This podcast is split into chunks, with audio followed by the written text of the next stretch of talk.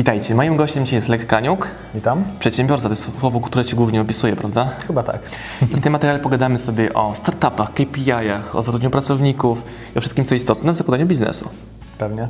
Wiele osób pyta Lecha, e, jak założyć biznes, jaka jest taka złota recepta na ten sukces, prawda? I co im wtedy odpowiadasz?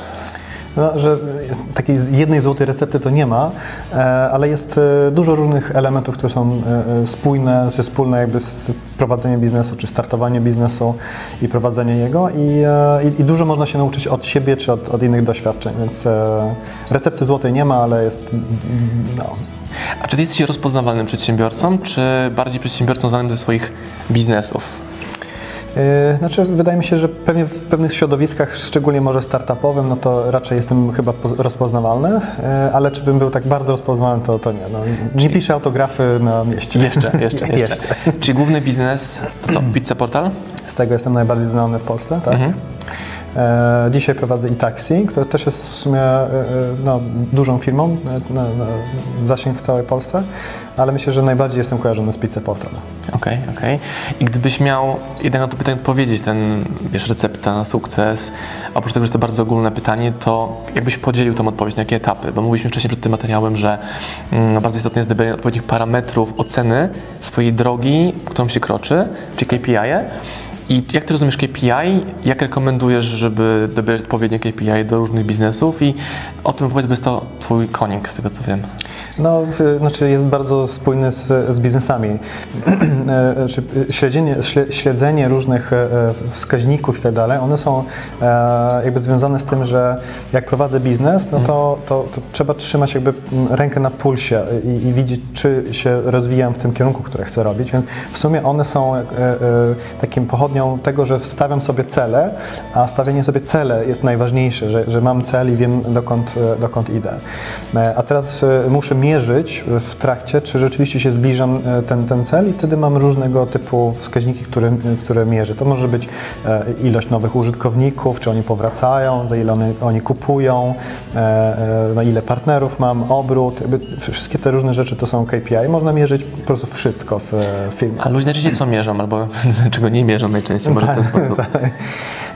No tak jak mówię, KPI-ami czy, czy takimi współczynnikami można mierzyć wszystko w firmie, od w jaki proces w HR-ach, jak się rekrutuje, czyli na przykład okay. e, jeśli chcę zrekrutować dużo ludzi na przykład do obsługi klienta i akurat mam, e, mam dużo, dużo zapotrzebowanie, no to żeby jedną osobę zrekrutować, to może muszę się spotkać e, z dziesięcioma na interview, a żeby dziesięć spotkać z interview, to może i można zobaczyć, że na przykład muszę zebrać 100 CV, żeby jedną osobę zrekrutować. Teraz e, to wszystko są parametry i to można mierzyć i patrzeć, czy rzeczywiście się, się w, to, w, to, w tym kierunku idzie. A kto decyduje, jaki parametr jest właściwy, bo jak na przykład włączaliśmy internet u nas y, w firmie, to pan nam powiedział, że jego rozliczają z ilości minut, jakie on rozmawia z klientem, że im dłużej, tym lepiej co w ogóle według mnie jest bez sensu, nie? bo on po prostu nabijał sztucznie robocze minuty. Tak. No, e, kto stawia te KPI, no to wiadomo, że to są różne osoby, które to stawiają. Prezes, inwestorzy. No, e, szef sprzedaży powinien e, wyznaczać pewne jakby tak, tak zwane KPI dla swojego teamu, dla swoich handlowców mhm. na, na handlowca, no ale oczywiście dyrektor sprzedaży ma swoje od, od, od, od swojego dyrektora, od prezesa, prawda? A czasem jest tak, że prezes jeszcze ma KPI, których musi dowieść, jakby rzucone przez, narzucone przez swoich inwestorów. Dobra, to zatrzymamy się w takim razie na sprzedaży, bo to jest e, moja największa e, pasja i zainteresowanie w ramach mhm. biznesu. No to jakie KPI, wiem, to jest bardzo ogólne pytanie, zależy od branży i to zależy, to zależy, mhm. ale jakie są Twoje rekomendacje w przypadku startupu do KPI sprzedażowych? Coś podpowiedział. E, znaczy tak, podpowiedziałbym tak, to co na pewno jest ważne i to, i to, niezależnie od tego, co się robi, co się sprzedaje, to, to jest uniwersalne, to jest, żeby w ogóle cokolwiek mierzyć, prawda? To jest jakby pierwszy, pierwszy krok. No a później, tak jak mówisz, to wszystko zależy od tego, co sprzedajemy i w jaki sposób to robimy. Bo jeśli to jest na przykład sprzedaż przez słuchawkę, no to można powiedzieć, że jednym e, pierwszym takim współczynnikiem, jeśli sobie tworzymy taki lejek sprzedażowy... No dobra, no na moim przykładzie. Mam wydawnictwo, sprzedajemy książki online, czyli skupmy się na księgarni online. Mhm. I moim KPI-em jest e, to, czy jest ilość transakcji dzienna, mhm. przychód miesięczny, przychód kwartalny i roczny. Mhm. Co innego mogę robić? KPI pod tytułem powracający klient, wartość koszyka? E, Na przykład, ale ja myślę, że e, warto jest sobie zbudować taki lejek, gdzie żebyś miał tą sprzedaż i mierzyć ile jest tam transakcji, no to musisz mieć, e, jeśli to masz sprzedaż online'ową, no to musisz mieć ilość osób, którzy najpierw wejdzie na stronę, prawda? Więc e, to powiedziałbym, że to tu się zaczyna ten lejek, czyli ilość osób, które wejdzie na stronę, oni muszą się przeklikać przez twoje, przez stronę i wybrać coś do koszyka, włożyć jakieś tam ksią- książki czy produkty do koszyka, więc e, z tych wszystkich mamy kolejny lejek, czyli ilość osób, które wkłada coś do koszyka. Z tego konwertuje, czyli jakby e, z to, że włożyli do koszyka nie oznacza, że jeszcze kupili. Oni muszą później rzeczywiście kupić i, i zrobić transakcję. Dobra. Kolejny lejek. To można robić na podstawie danych historycznych, a co, jakich nie ma? E, No to trzeba założyć. E, e, Czy, Czyli na zasadzie, Dokładnie tak. Okej. Znaczy, można się podpytać, może, może są jakieś doświadczenia. E, może można trzeba najpierw zacząć mierzyć, zobaczyć, jak to wygląda w rzeczywistości, ale znowu e, lepiej jest mieć jakąś hipotezę i jakoś chociażby życzeniowo, jak, jak bym chciał, żeby to się konwertowało, e, a później widzę, jak to w rzeczywistości wygląda, prawda? I później próbować to mierzyć. Bo jeszcze raz, jakby patrząc na, z, tym- z tym lejku, to, to widać później, gdzie, jak ja mam na przykład, nie wiem, ty, z tysiąca osób wejdzie i mam tylko jedną osobę, która wkłada coś do koszyka, no to yy, widzę, że co, coś jest nie tak, prawda? Co, jakby, jeśli tylko jeden na tysiąc mi, mi kupuje, czy wkłada coś do koszyka, to może coś jest źle ze stroną, więc znowu mierząc te różne e, parametry, e, też nam pomagają identyfikować, czy, czy są jakieś e, problemy w tym, w tym procesie. a powiem że często widzę, że firmy młode chcą jak najszybciej osiągnąć cel pod tytułem zarobić na koszty. I też mówiliśmy wcześniej o wizji i jak w takim razie ma się KPI pod tytułem zarobić na koszty, żeby być na powierzchni względem wizji long term, no bo każdy chce mieć opłacone rachunki pracowników, biuro i tak dalej. Dochodzi do tego momentu i jest na zero, czyli tworzył coś, żeby być na zero. I teraz jak dalej w kierunku wizji, jak połączyć tą mówi Gary, Clouds and Dirs, nie? Dirs no to te KPI i pracownicy i tutaj firma i Excele, ale ten Clouds, czyli e, wizja. Tak. Jak ty to łączysz?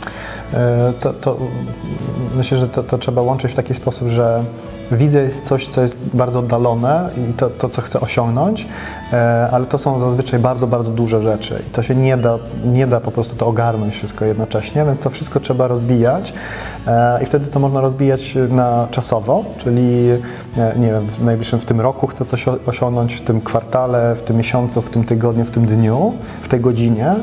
E, I wtedy, y, jeśli ja na przykład, nie wiem, chcę sprzedać 100 tysięcy książek w ciągu roku, to, to jeśli ja to podzielę na, załóżmy tam 10 miesięcy, no to muszę sprzedać 10 tysięcy książek per miesiąc i mo mogę to y, rozbić, ile muszę dziennie sprzedać, prawda? I ja już mogę sobie mierzyć, e, e, e, jak to wygląda w ciągu, w ciągu dnia. Czyli mogę założyć koszt kupna ruchu na poziomie 100 tysięcy odsłon czy klików, Tak. patrzeć jaki procent z procenta nam zostaje na koniec Tak, dnia. tak.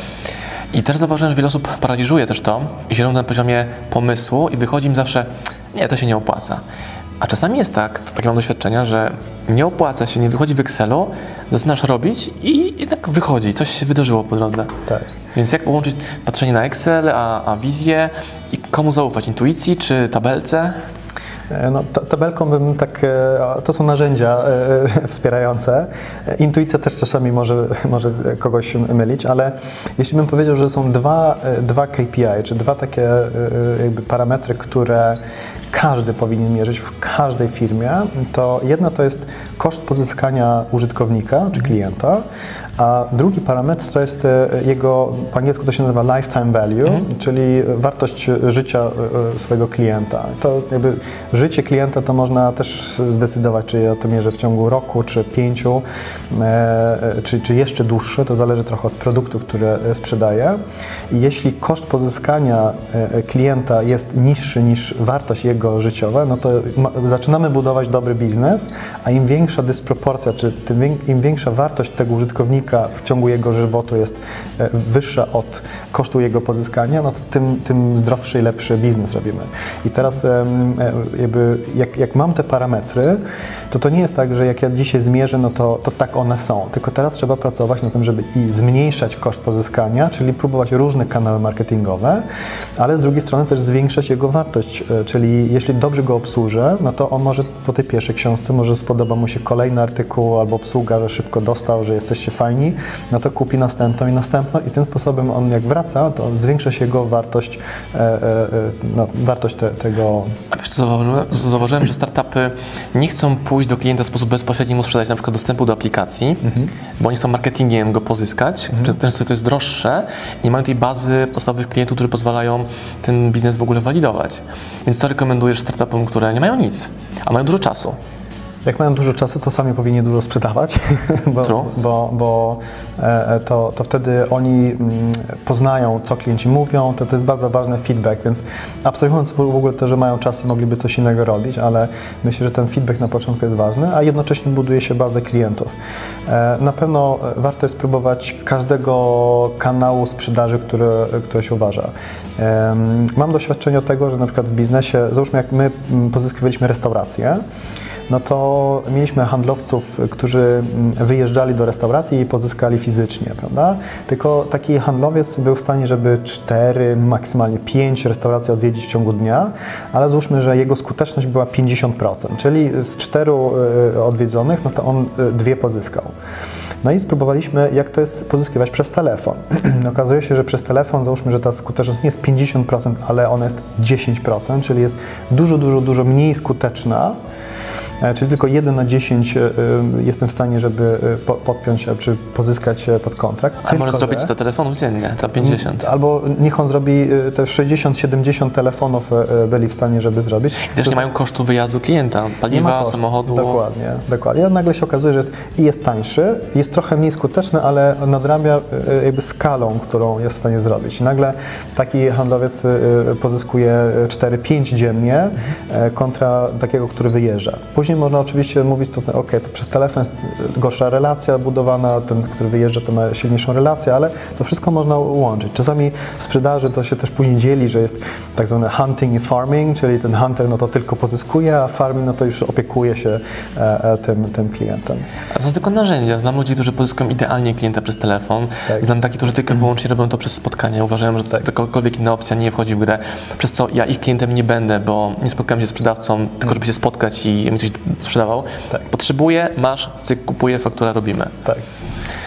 No tych kanałów jest bardzo dużo. No i, no i to cały czas później internet też jest. No. Na przykład e, to cie- ciekawostka też jest taka, że nie zawsze też internet jest bardzo skuteczny, bo, bo e, e, jeśli na przykład AdWords to zazwyczaj jest bardzo dobrym kanałem, ma bardzo duży zasięg, jest, jest bardzo skuteczny, tani e, e, do, do, do pozyskania, ale e, załóżmy mm, są takie branże, gdzie jakby zachowanie tego, który szuka czegoś jest na tyle generyczne, że to się, to się bardzo miesza z po- pozostałymi intencjami, które ludzie mają, jak szukają czegoś.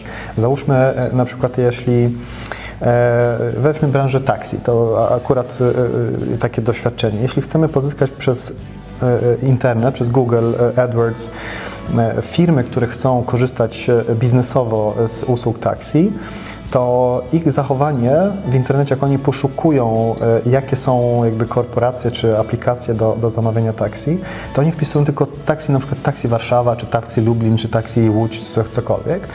E, I niekoniecznie szukają taksi dla firm. I to oznacza, że, że to się miesza z tym, który teraz chce mieć taksówkę. taksówkę. Tak. Więc Okej. wtedy może ten kanał nie jest skuteczny i może trzeba po prostu inaczej zorganizować tą sprzedaż. I też się mierzymy z wieloma mitami. Jednym też z mitów popularnych jest to, że trzeba zatrudniać takich gra, graczy numer jeden, zawodników do firmy najlepszych na świecie od samego początku. No ale nikt z Was nie wie, jak zatrudnić najlepszego szefa oddziału marketingu, gdy nie ma w ogóle budżetu na marketing, prawda? Jak do tego podchodzisz? Bo otworzyłeś wiele biznesów, które zaczynały, od, znaczy wszystkie od zera zaczynały. I teraz jak pozyskiwałeś wyjątkowych ludzi? A może nie pozyskiwałeś wyjątkowych ludzi, tylko pracowałeś na takich regularnych, z których tworzyłeś dopiero swoją e, startupową armię. Tak. E, Wydaje mi się, że e, większość ludzi, z którymi współpracowałem, to są wyjątkowi ludzie. E, i- No, to jest tak? nagrywane, obejrzą. Ja wiem, ja wiem. Ale mm, powiem tak, e, mówi się bardzo często, że trzeba zatrudniać tak zwanych A-players, prawda? Czyli tych, topowych ludzi. Ale ja mam trochę problem z tym takim, e, to jest takie trochę hasło, e, gdzie mam trochę problem z tym, bo, bo co to znaczy A-player? Co to znaczy ta najlepsza osoba?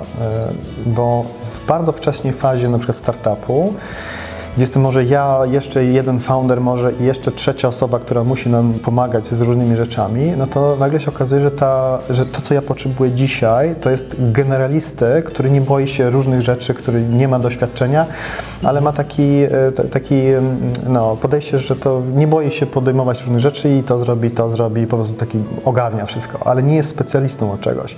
I ja na początku taką osobę na przykład potrzebuję. Specjaliści później. A później, tak? to rośnie i nagle coraz większy wolumen w firmie wymaga, że musimy mieć dobrych z obsługi klienta, musimy mieć księgowość, musimy mieć e, e, marketingowca, później nie tylko generalisty marketingowca, który jakoś coś tam ogarnia, ale, ale ktoś, kto bardzo dobrze ogarnia social media na przykład i, i tak dalej. I to powoduje, że za jakiś czas to dla mnie A-player jest ktoś, kto jest na przykład mega specjalistą w, tym, w tej dziedzinie, prawda? E, więc to się zmienia. Doświadczyłem tego, że stworzyłem firmę i zacząłem zwalniać ludzi, z którymi tę firmę stworzyłem, bo oni byli zbyt ogólni, zbyt kumpelscy, a przychodził ekspert, który wymiatał w wąskim obszarze sprzedaży. A wcześniej sprzedawcą był e, ktoś, kto robił e, spotkania z klientem, kto robił e, kwestie kreacji, kto na przykład przyjmował klienta, pełniąc rolę takiego office managera przez te 5 minut, jak nie był, kto mu drzwi otworzyć. I to było dla mnie super trudne, że zwalniałem ludzi, którzy byli ze mną od samego początku, ale nie dało się inaczej. I oni odchodzili i była ulga w firmie, bo specjaliści mieli teraz pole do pracy. E, tak, to, to, to jest jedno z trudniejszych rzeczy w ogóle e, w startupie i myślę, że to bardzo często ludzie mają z tym, z tym duży problem, bo to, bo to jest bardzo specyficzna sytuacja, prawda? Z- Zatrudniasz osobę, która jest świetna na początku, bo potrzebuje, żeby ona ogarniała Ci milion rzeczy, ale firma za 12 miesięcy urosła i Ty teraz potrzebujesz i specjalista obsługi klienta, i specjalistę od, od e, księgowości, od marketingu i tak i nagle masz już tych wszystkich specjalistów i teraz ta osoba, która nie jest dobra, nie jest specjalistą od niczego, tylko generalistą, nagle nie ma po prostu y, miejsca dla tej osoby. Albo nowa osoba jest szefem starej osoby, która od roku pracuje w Twojej firmie. Też, e, No. też tak było. No na początku, jak jest jeszcze mało osób, no to ja jako tam founder, no to ja Każdego głaskasz, tak, tak, tak. A później to rośnie i, na, i nagle mm, miałem Nie na na imię. No. trzy osoby, które wprowadzały menu, ale już przy czwartej, gdzie jeszcze dodałem pięciu handlowców i coś tam, to ja już nie ogarniam tych wszystkich osób, prawda? I, i mówię sobie, ok, no to ja potrzebuję, żeby jedna z tych osób, e, która jest w, em, w, na obsłudze klienta, żeby zaczęła koordynować, a została szefową. No i teraz e, może ktoś tam się nadaje, no to wtedy się próbuje z jakimś awansem i, i fajnie, bo ta osoba ma szansę, żeby, żeby tam awansować, ale się okazuje, że nagle koleżanka jest szefową, prawda? I, i tam jakieś tarcia i zazdrości, inne takie rzeczy i nagle z fajnej atmosfery e, ktoś się cieszy, a inni są, są zniechęceni i też jakby może, może psuć. A jaka uważasz jest największa umiejętność lidera? Twarde, miękkie, inteligencja emocjonalna. Oj, Bo to czasami wygląda jak takie wielkie przedszkole. tak. Zaśmiałeś się, więc doskonale wiemy, o Tutaj czym jest coraz większe. I jesteś mm, szefem tego przedszkola, gdzie są jakieś rzeczy pod tytułem ten kogoś nie lubi, Tak. ten ktoś kogoś za bardzo lubi. E, I oni na przykład siedzą w pokoju, nie mogą się w ogóle pogodzić, trzeba tam wejść, to rozciąć, podzielić po... Abstrakcja. I jak to No. właściwie jest z tym szefowaniem? E, No, to jest oczywiście bardzo trudne. E, Znaczy, e, powiedzmy tak, to, to, to co chyba jakby przychodzi z czasem, które coraz bardziej rozumie, to są dwie rzeczy. Jedna rzecz to jest, jak ważne jest budowanie spójnej kultury organizacyjnej, Czyli jeśli ja e, nie chcę takiej rywalizacji, że oni są, kłócą się między sobą, są zazdrośni i tak dalej, bo, bo, bo ktoś, widziałem takie firmy, gdzie kultura organizacyjna jest po prostu tylko Rywalizacja rywalizacja i to wtedy niby to, to jakby popycha do przodu i ta sprzedaż idzie, idzie, prawda? I tak może być, to też może, może być skuteczne. No, to nie jest moja kultura organizacyjna ja tego nie czuję. E, mi bardzo zależy na, na współpracy, na, na, na, na dobrej atmosferze e, i brak rywalizacji, tylko współpraca jako team i to między działami. E, I wtedy, jeśli ktoś nie pasuje, to, to, to prawda jest taka, że jeśli ktoś jest dobry, ale nie pasuje w tej kulturze organizacyjnej, bo, bo zaczyna być rywalizujący, e, to to moim zdaniem jest wystarczająco, żeby się rozstać z taką osobą. Ale to jest szalenie trudne, bo trzeba być bardzo świadomy, jaką kulturę organizacyjną się, się chce mm, e, rozwijać i to robić bardzo świadomie. To jest bardzo trudne. Jak tworzysz firmę, to firma jest najważniejsza ponad jednostkę, Bo często słyszałem, że super liderzy zwalniają takich taki wybitnych graczy, którzy są indywidualistami, grają na siebie, po to, żeby zrobić miejsce dla tych, którzy właśnie kul- kultują, dla tych, którzy właśnie tworzą kulturę pracy w grupie. Myślę znowu, że to zależy, w, co, co, co by się chciało. Na przykład e, e, Richard Branson, on, on ma obsesję na to, że on przez dbanie, e, dbanie o swoich pracowników e, wierzy w to, że ci pracownicy, jak są szczęśliwi, zadbani, to oni zadbają o klientów, prawda? E, Tony Shea z, z Zappos, no to on ma obsesję na punkcie użytkownika, jego klienta, gdzie chce, żeby on był dopieszczony i cokolwiek on będzie chciał, no to trzeba po prostu wszystko zrobić, żeby ten klient był, był pozytywnie A zaskoczony. jak ma Lekaniuk? E, A ja e, no, staram się e, dbać o, o pracowników, żeby oni dbali o, o, o klientów. No, myślę, że to bliżej chyba Bransona niż, niż Tony'ego, ale mm, później na przykład mamy Bezosa. No Bezos też, Jeff Bezos z Amazona też jest, e, e, ma obsesję na, na punkcie e, użytkownika, czy jego klienta, tylko znowu nie z punktu widzenia świetnej obsługi klienta, tylko że produkt, co on, co on oferuje, w jaki sposób, ma być tak proste, tak szeroki wybór i na, za niską cenę, że to jest najważniejsze, ale to wymaga, że procesy są dobre, a nie, że kosztowny call center jest dostępny, prawda? Więc można w różne sposoby to, to realizować. I to jest super cenna wiedza, doświadczenia. Może warto by to w książce zebrać na przykład. O której książce masz na My myśli? oczywiście śmiejemy, ale już Wam powiem, zatizuję, że Lechu pracuje nad swoją książką, która będzie w najbliższych tygodniach, nawet nie miesiącach, bym powiedział, długich miesiącach i będzie o tym, o czym mówiliśmy dzisiaj, Częściowo. głębiej, prawda? A główne przesłanie książki już możemy zdradzić, co jest najważniejsze według Ciebie w biznesie? Żeby działać. Żeby działać i żeby był pęd Tak. i żeby ten, ta droga od pomysłu do realizacji była jak najkrótsza, Tak bez odwlekania. Tak. No, jest bardzo wiele osób, które ma dużo pomysłów i, e, i, i nie wiedzą, jak za, zacząć, a, a moim zdaniem najważniejsze to jest po prostu zacząć od czegokolwiek. Mając coś zacząć od czegoś małego, żeby już jakby zacząć budować e, e, ten, ten swój pęd, bo, bo jest dużo łatwiej, żeby już z rozpędu zacząć brać kolejne kroczki, niż próbować się zastanawiać zbyt długo i nigdy nie A realizować. jak Ty rozumiesz ten rozpęd właśnie, pęd? Bo wiele osób nie będzie wiedziało jeszcze o, o co chodzi. To jest ta energia, którą trzeba włożyć w ruch, tak? W odpalenie tej lokomotywy. Tak, no to jakby z fizyki można powiedzieć, żeby, żeby e, jakiś obiekt w, e, e, no, w, w ruch włożyć, Wprawić, tak, mhm. wprawić, to trzeba włożyć więcej energii niż jak już się chce, chcą ciągnąć w sta, jakby w stałym, stałą prędkością. I tak samo trochę jest z biznesem, że, że żeby rozpocząć ten swój biznes, to, to to mm, jest, jest trochę, jakby, potrzebne jest dużo więcej energii po prostu, żeby roz, roz, rozbudzić to i, i zacząć działać, ale jak już ten pierwszy krok jest zrobiony, to dużo łatwiej zrobić drugi, trzeci, czwarty. No i, i chodzi o to też, żeby nie zaczynać od jakichś bardzo dużych rzeczy, tylko czasami jest tak, że mm, e, wystarczy postanowić, jaką nazwę chce mieć firmy. I to nieważne, czy to będzie ta nazwa, ale zdecydować się na tą nazwę. Może, może zarejestrować tą spółkę. Ja nawet nie wiem, co ja, jak mam to wszystko ogarnąć. Nawet wpisać w Google, nie wiem, jak założyć firmę. Dokładnie. I to już, to już jest ten, te, taki, taki pierwszy krok. I, I później już kolejny, kolejny. A biznesplany i tak dalej, ja tyle różnych biznesplanów, budżetów robiłem, to powiem tak. em, raczej zawsze strona kosztowa się realizuje. Czasami- zawsze. Czas, tak, a czasami przekracza, a strona przychodowa nigdy się nie realizuje w taki sposób, jak się zakłada. E, więc e, nie ma co też za bardzo budować biznesplany przez miesiące, bo one się tak nie zrealizują. Nigdy. Bo, bo, bo tak się wszystko, otoczenie zmienia, że nawet jeśli ja mam bardzo dobre dane historyczne dzisiaj i w biznesie, który już prowadzę lata, e, to i tak przewidzieć, co będzie w kolejnych 12 miesiącach jest po prostu niemożliwe. I macie skondensowane w prawie 25 minutach wiedzę przedsiębiorcy, który stworzył biznesy od początku, skaluje je, rozwija, inwestuje w kolejne. Książka za niedługo, obserwujcie tutaj YouTube. Masz Facebooka w ogóle? Komunikujesz Facebookiem do ludzi? E, Mam Facebooka, Będzie tego więcej. Będzie więcej, Będzie tego tak. więcej. Także mam Instagrama. Także zapraszamy. Dziękuję Ci bardzo za merytorykę. Ja tu widziałem dużo mięsa i konkretu. Mam nadzieję, że też go zobaczyliście. Pozdrawiam, mój gość Lekaniuk, Marcin Osman. Dzięki. No i mamy to. Zadowolony? Jeszcze trochę KPI chciałem, ale Tak? nie.